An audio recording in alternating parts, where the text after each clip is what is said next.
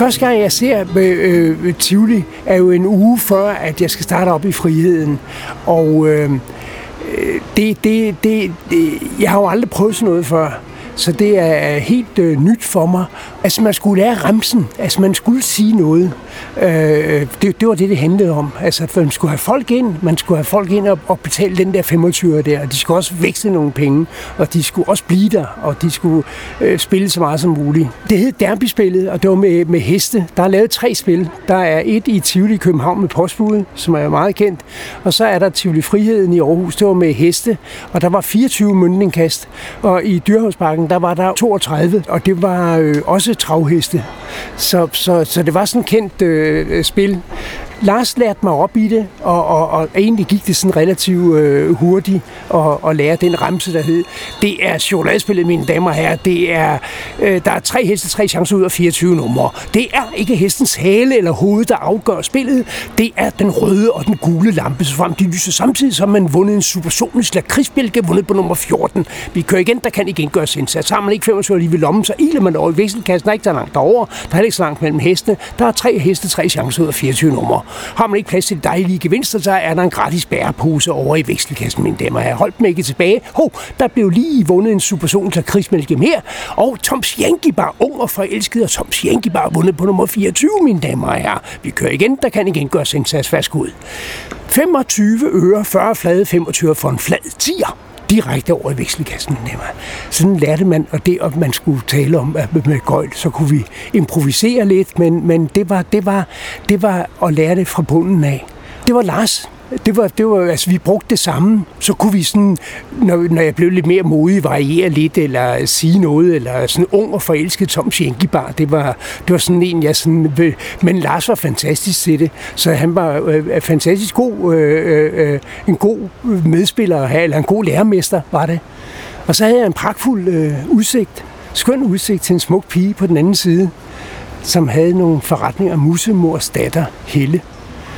Og øh, Øh, hende synes jeg var meget smuk. Det havde Lars også synes øh, året før. Der havde han danset lidt tæt med hende til den store fest, der var for, for Tivoli-personalet. Og det havde faren sørget for, at det blev ikke til og det blev på afmålt tid. Så det var, det var meget ked af. Det var en stærkt ked af, at der ikke skete mere der. Men øh, hende øh, synes jeg var, jeg kunne godt se det smukke i hælden. Og øh, på et tidspunkt så er der nogen, der siger til mig, at Helle hun kommer tilfældigvis på tagskægget fredag aften efter fyreaften. Så tænkte jeg, var der noget, jeg skulle, så var der der på tagskægget efter fyreaften. Tagskægget er et jazzklub i Vestergade i Aarhus. Og der mødtes jeg med, med Helle, og vi dansede, og vi kyssede, og jeg fulgte hende hjem til Åbyhøj. Og Helles forældre havde tre forretninger ude i Tivoli Friheden i Aarhus. De havde en museby, de havde en spejlsal, og så havde de en forretning med, med racerbiler. Og faren øh, arbejdede i øh, Faxe i Hedensted, og det var konen, der passede det. De havde ikke noget gold, de havde bare øh, på en eller anden måde kommet ind i det og forpagtet nogle forretninger derude, og så lavet deres egne forretninger. Og Musebyen blev lavet som inspiration her fra Tivoli i København, hvor at den tidligere ejer af et loppecirkus, han lavede en uh, museby nede i øh, uh, Småhen.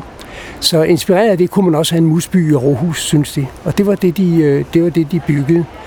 Så da jeg var holdt op i den sæson i, øh, i, øh, i Tivoli Friheden, så var jeg blevet kærester med, med Helle, og øh, øh, nogen øh, havde så foreslået Helles far at tage Musebyen med til, til Brønderslev. Det var en stationær Museby, det var ikke bare sådan lige at flytte, men han sagde, at man kunne tjene mange penge deroppe, og det var, og det var Brønderslev Marked, og det kostede ikke så meget, at man skulle bare buksere den derop og så lege telt deroppe.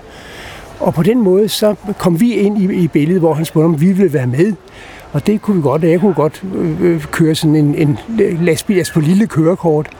Så vi kørte derop fuldstændig amatøragtigt i, øh, i det her, og kom op til den der store øh, dyrskue, og så øh, blev med radiobiler og med alt muligt tivoli og, og sådan Og så øh, kom det her telt, hvor der så blev lavet indgang i begge ender.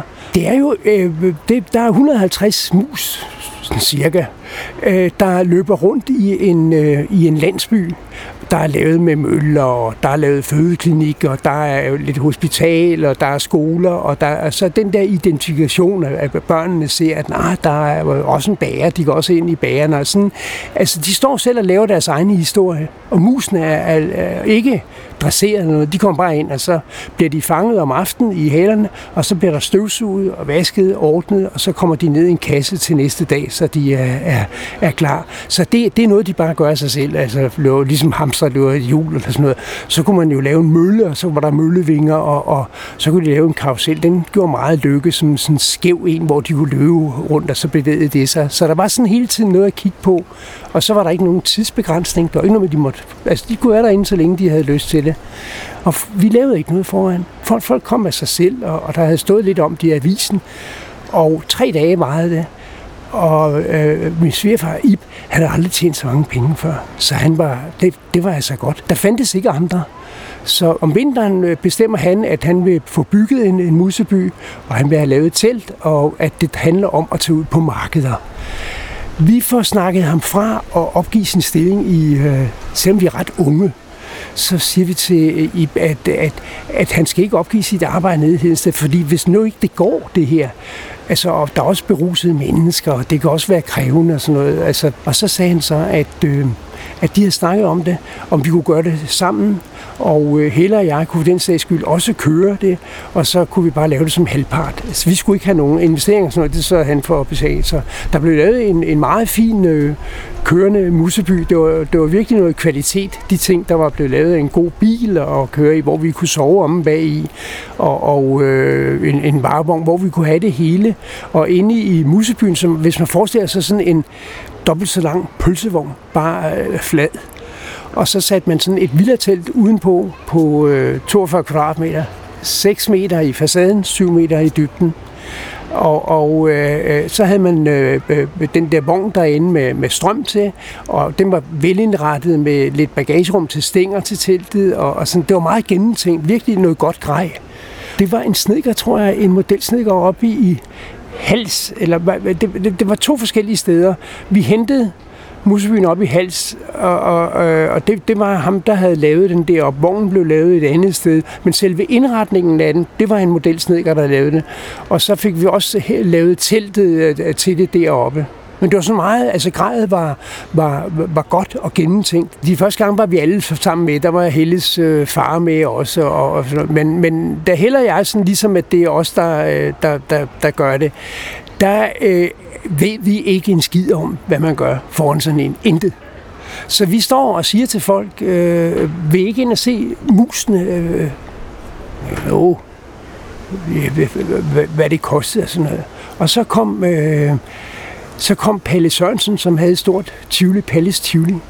Så sagde han, det her, det går ikke. Det, det er en skide god forretning, det her, det kan I skal sgu da klæde ud. Så sagde jeg, hvem? Hende der, der så sagde, jeg, det er min kæreste. Jeg skulle lige glæde, sagde han så. Klæd ud. Klæd dig selv ud. I må gøre et eller andet. Det her, det går jo ikke. I skal, du, du bliver nødt til at, at lege nogle højtaler eller mikrofon eller et eller andet. Der, folk får ikke øje på jer. Det er det, det handler om. Kig jer omkring og sådan noget. Ikke? Start med at lege, så snakke sådan en. Det er det første.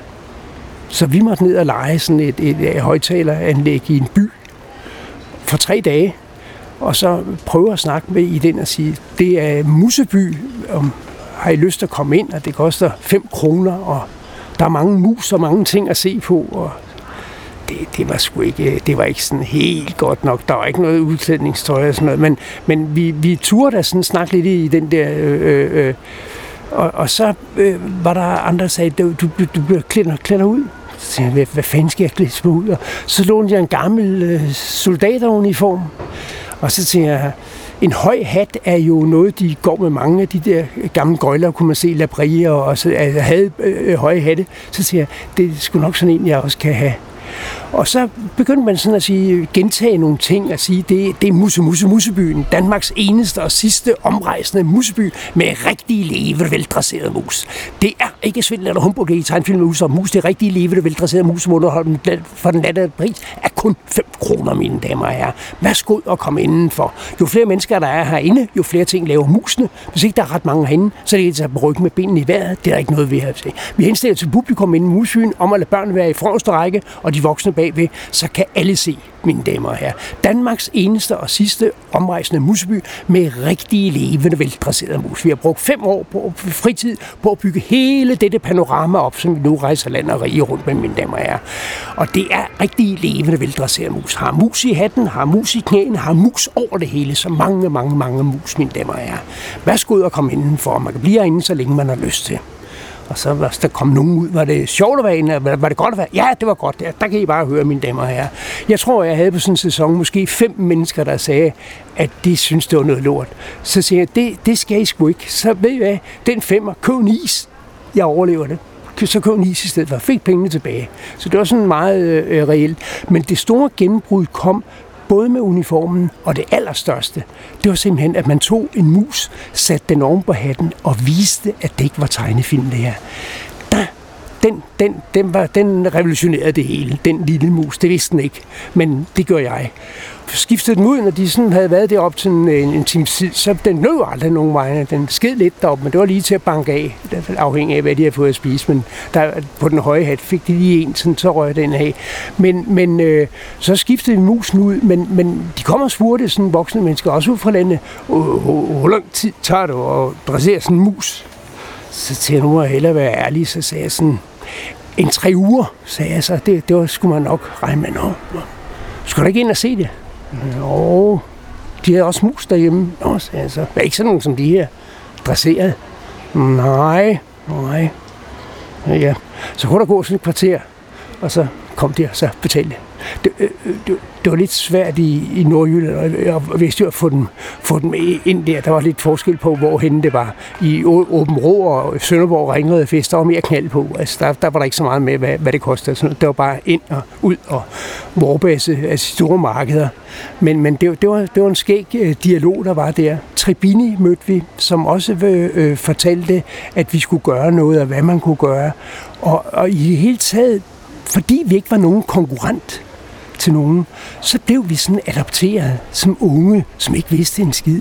Altså, så de var så søde og så hjælpsomme. Du, vi skal op til den fest, der kan I tage med. Og Palle Sørensen sagde, kom op til Aalborg og Jørgen Dyrskue, der har jeg plads til jer. Og så, så verden lå foran os. Havde vi nu været konkurrence med, med andre, så var det ikke så. Men de var meget søde og meget hjælpsomme, og også kom med nogle gode input til os. Ikke? Så vi var sådan lidt fætteret, og, og, og, og vi værdsatte det virkelig. De var søde, meget, meget søde. Og, og der var den der hygge, inden at man skulle åbne, man kunne spise lidt mad sammen, man kunne snakke. Og så havde man drømmen om, det havde de, drømmen om at blive millionær. Stort set var alle millionærer, det vidste jeg ikke, men de tjente kassen, de tjente kassen, sagde de så. Hold kæft, vi er millionærer.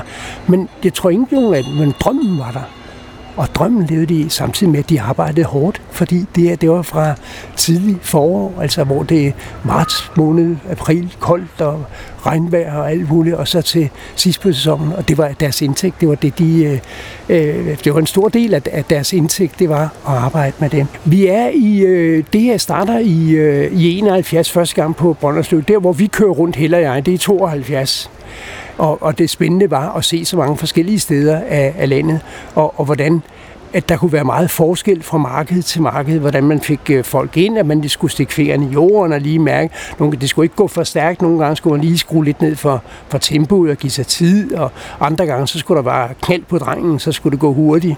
Når vi var sådan på øh, øh, præfest i Nørresnede, så, så var det jo med seks løber på siden og cowboys, og det skulle gå stærkt, det skulle slagsmålene også, og der var kun én betjent, der han hed politiassistent Andreasen. Han havde mere travlt, end vi havde i Musebyen og i Gøjle, for politiassistent Andreasen til Laredo Bar. Så er der lidt slagsmål, så var der derovre. Så. Og ringriderfesterne dernede, de var lidt voldsomme, fordi der blev folk skide fulde. Fordi mændene der blev saluteret altså, i snaps, så de var frygtelig beruset, når de kom ud der om eftermiddagen efter den der mandefrokost der. Og kunne sådan tisse op af teltet, hvor jeg sagde, at synes, at det øh, synes jeg ikke var en god idé, for jeg skulle pille det ned om aftenen. Det kunne de skulle ikke se noget problem i. Jeg kunne få en på snotten, hvis det var ikke. Altså det var sådan meget, så man skulle lige, man skulle lige vurdere, hvor, hvor, hvor er niveauet henne. Så egentlig var det at, at, at lære Øh, hver gang øh, man, man var afsted. Og så havde jeg Lars, ikke, som kørte rundt med sit chokoladespil, Le Mans-spillet. Øh, det kaldte de Lehmann. Altså, det, det kunne de sgu ikke. Le Mans, hvad, det vidste de ikke, hvad fanden. Han havde også en hund, der hed Bøf. Men det staves B-E-U-F, så den blev kaldt af en af Bjuf.